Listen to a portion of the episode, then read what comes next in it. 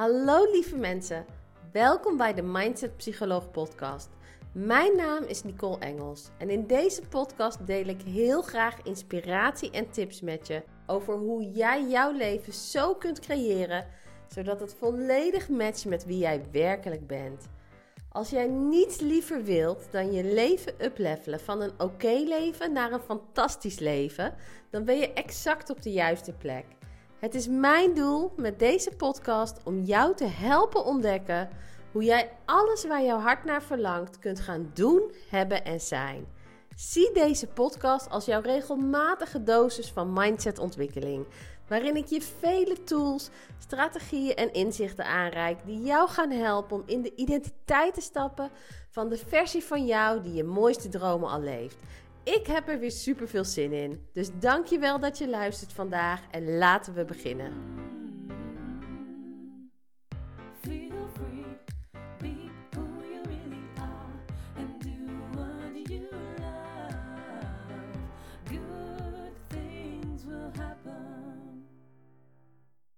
Hey lieve krachtig creator, welkom bij weer een nieuwe aflevering van de Mindset Psycholoog en super leuk dat je luistert. Vandaag wil ik het met je hebben over dit leven heeft een deadline. En op dit moment, het is tussen de middag als ik dit opneem, Evie is lekker aan het slapen. Daan ligt naast mij, die is ook aan het slapen. Ik verwacht wel dat hij elk moment een beetje wakker kan worden voor de voeding. Dus ik hoop dat ik deze episode nog mooi kan opnemen voor die tijd. Zo niet pauzeer ik hem even en kom ik een later moment terug. En dan hoor je dat wellicht. Uh, maar dat gaan we gewoon merken. Nou, hoe kom ik nou bij dit de leven heeft een deadline? Daar zit een context omheen, er zit een verhaal omheen. En daar wil ik je eerst in meenemen. Want aan mijn moeders kant van de familie hebben we een familie-app waar iedereen in zit. En mijn oma is op dit moment, ik denk zo'n 83 jaar, um, is alleen, want mijn opa is een uh, aantal jaar geleden overleden. En zo'n twee jaar geleden heeft mijn oma een herseninfarct gehad. En ze is heel goed hersteld van die herseninfarct. Ze kan nog steeds uh, zelfstandig wonen. Ze doet het hartstikke goed. Um, uh, maar aan de andere kant is het ook een mensje van de dag aan het worden. Kijk, we hopen allemaal dat ze nog een hele poos bij ons mag zijn. Maar je weet het natuurlijk nooit. Dus mijn moeder heeft gevraagd aan mijn oma van... Goh mama, zou jij nou elke dag als je wakker bent even goedemorgen willen zeggen in de app, zodat we gewoon weten dat het goed met je is. En zodat mocht er onverhoops een keer iets zijn, dat we gewoon direct kunnen ingrijpen, omdat we weten van hé, hey, uh, we hebben nog niks gehoord van uh, in haar geval mama, in mijn geval oma. Um, nou, zo gezegd, zo gedaan. En mijn oma is daar super trouw in. Mijn oma echt elke ochtend tussen 8 en tussen 9 komt er een berichtje. En uh, wensen ons allemaal een goede morgen. En tegenwoordig doet ze ook wat mindset tips erbij. Dus dat is echt hartstikke leuk. Uh, dan vertelt ze ons dat we aan positieve dingen moeten denken. Of ze vertelt ons dat we moeten kijken naar wat er wel is. Um, nou, echt heel lief. En wat er van de week gebeurde, is dat ze afgelopen week, uh, eergisteren volgens mij, van dat ik dit opnam, uh, van dat ik dit opneem, um, kwam er geen berichtje. Dus het was negen uur, was nog, of half negen was geen berichtje, was negen uur was geen berichtje. Toen zag ik mijn moeder in de familie even een berichtje sturen van... Uh, Goedemorgen mama, ben je wakker? En mijn oma antwoordde niet. En ze antwoordde niet en ze antwoordde niet. En op een gegeven moment was het uh, half elf en had ze nog niet geantwoord. En toevallig had ze die dag daarvoor een berichtje gezet in de app met... Uh, Goedemorgen allemaal, um, uh, ik wens jullie allemaal een fijne dag toe. En het is nou wel een gewoonte aan te worden, deze berichtjes van mij. Want ze doet het al een jaar lang heel trouw. Uh, jullie zullen het ooit nog eens missen als ik er niet meer ben. En prompt, die dag daarop, post ze geen berichtje in de groep. En ik merkte op een gegeven moment dat ik echt dacht van... Oh, dit is het. Dit is het moment. Ik denk waarschijnlijk is er wat gebeurd. Um, en um, ja, moet ik mijn oma gaan missen vanaf nu? En Kijk, ik weet als dat zover is. Um, ik geloof als ziel zijnde dat ons leven altijd doorgaat. Dat ze alleen van vorm verandert en dat ze er nog steeds is. Maar natuurlijk mis je er dan wel in het fysieke. En natuurlijk um, doet dat zeer en kun je dan ook iemand missen. Um, en wat ik merkte is, ik maakte me echt ongerust. En niemand reageerde, ook in die app. Dus in mijn hoofd was het volgende aan de gang. In mijn hoofd was het zo van... hey, mijn moeder die belt waarschijnlijk naar mijn tante. Mijn tante woont naast mijn oma. Die zegt van... joh, wil je even gaan kijken bij oma, uh, bij mama, uh, of het goed is? En ehm, mijn tante is gaan kijken, die is erachter gekomen, hé, hey, het is niet goed met oma. En die zei van alles aan het regelen. En ik dacht, ik krijg zo meteen gewoon een belletje om te horen van, hé hey Nicole, ehm, het is heel verdrietig, maar oma is er niet meer. Oma is overleden. En ik was echt verdrietig. Bij het vooruitzicht, bij het idee, merkte ik al van, uh, merkte ik dat ik gewoon ja, echt emotioneel werd.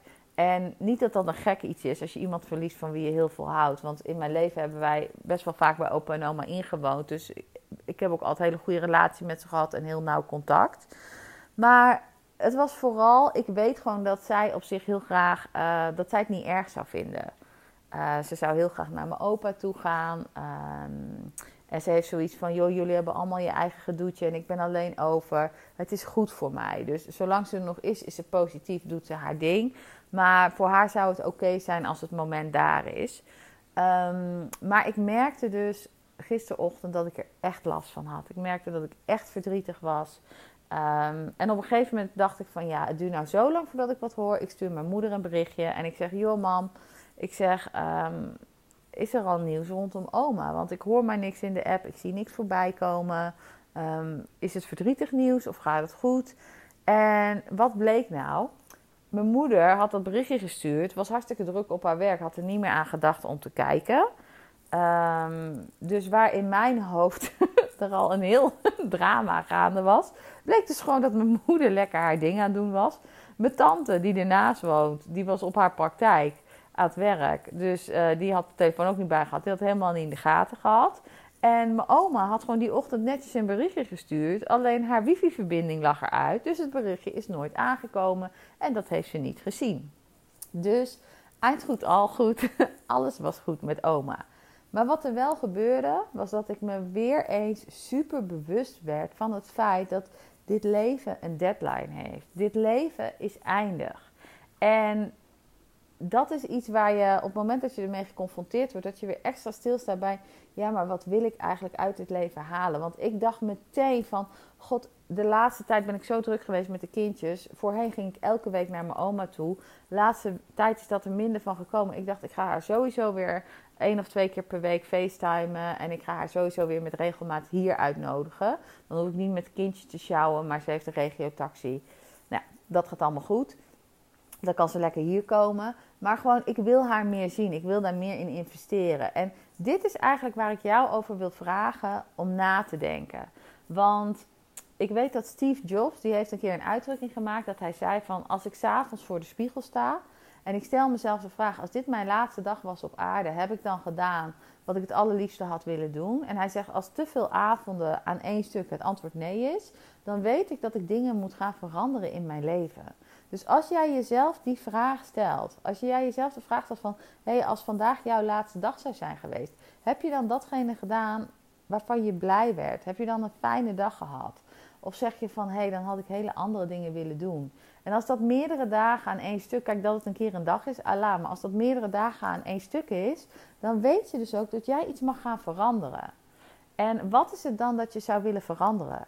Wat is het waar jij meer van zou willen doen, wat je nu niet doet, waarvan je weet als je dat zou doen, zou het je leven enorm veel mooier maken? Zijn er dromen, zijn er doelen waar je voor wil gaan? Zijn er mensen met wie je vaker om wil gaan?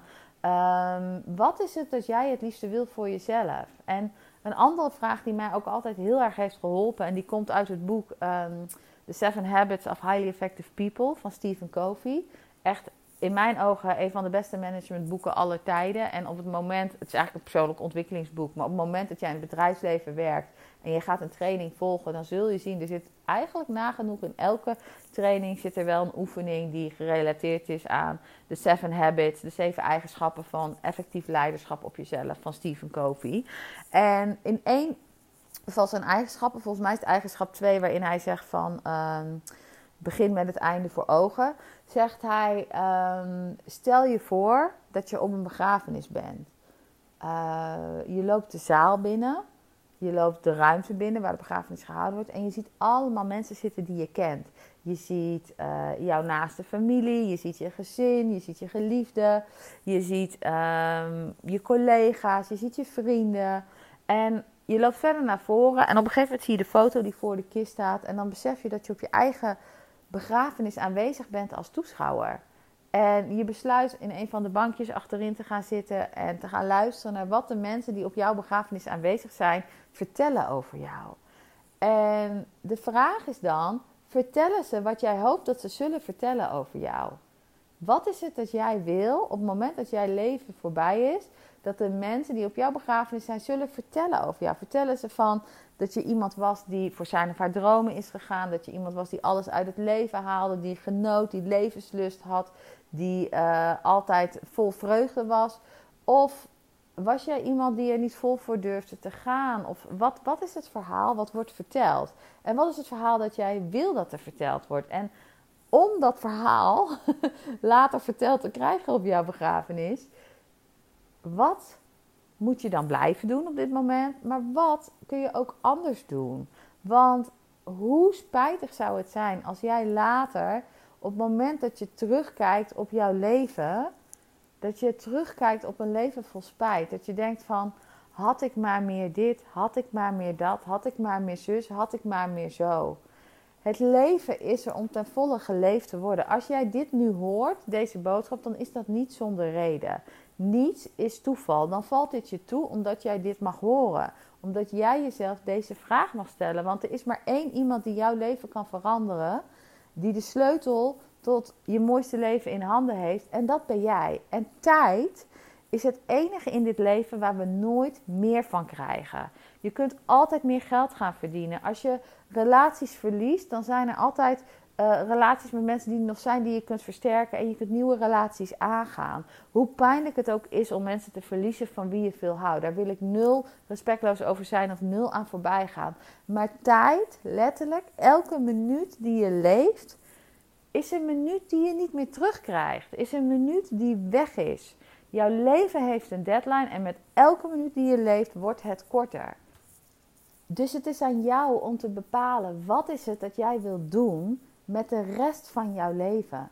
Want letterlijk, jij kunt van de rest van je leven het beste gedeelte van je leven maken. Als jij dat zou willen.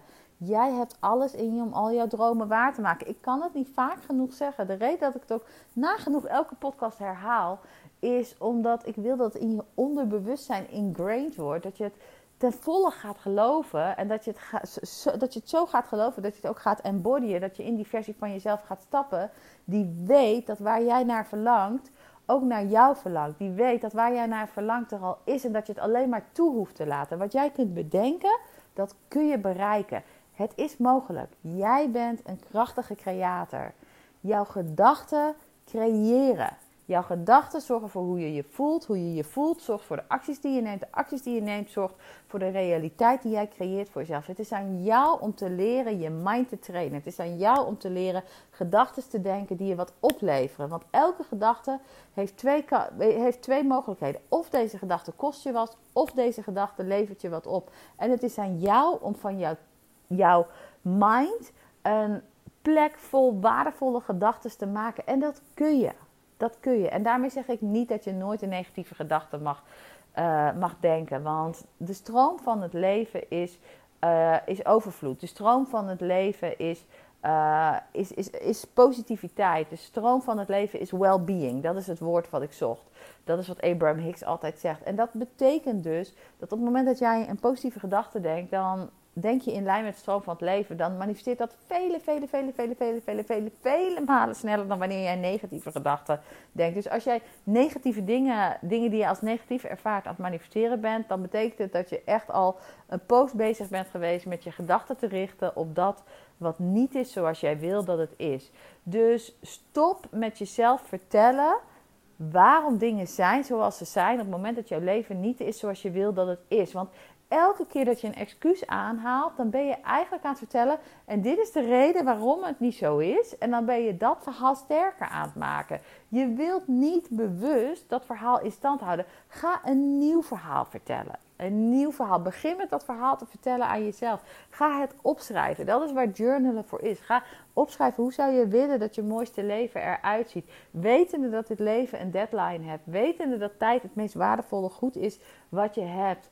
Wat wil jij doen met de rest van de tijd die je is gegeven? Wat heb jij te doen om ervoor te zorgen dat je elke avond, als je in de spiegel kijkt, en jezelf de vraag stelt: als vandaag mijn laatste dag was op aarde, heb ik dan gedaan wat ik leuk vond om te doen? Dat het een ja is, dat het met regelmaat een ja is. Dit is de vraag die jij jezelf mag stellen. Nou, ondertussen wordt kleine wakker. Pak hem er even bij.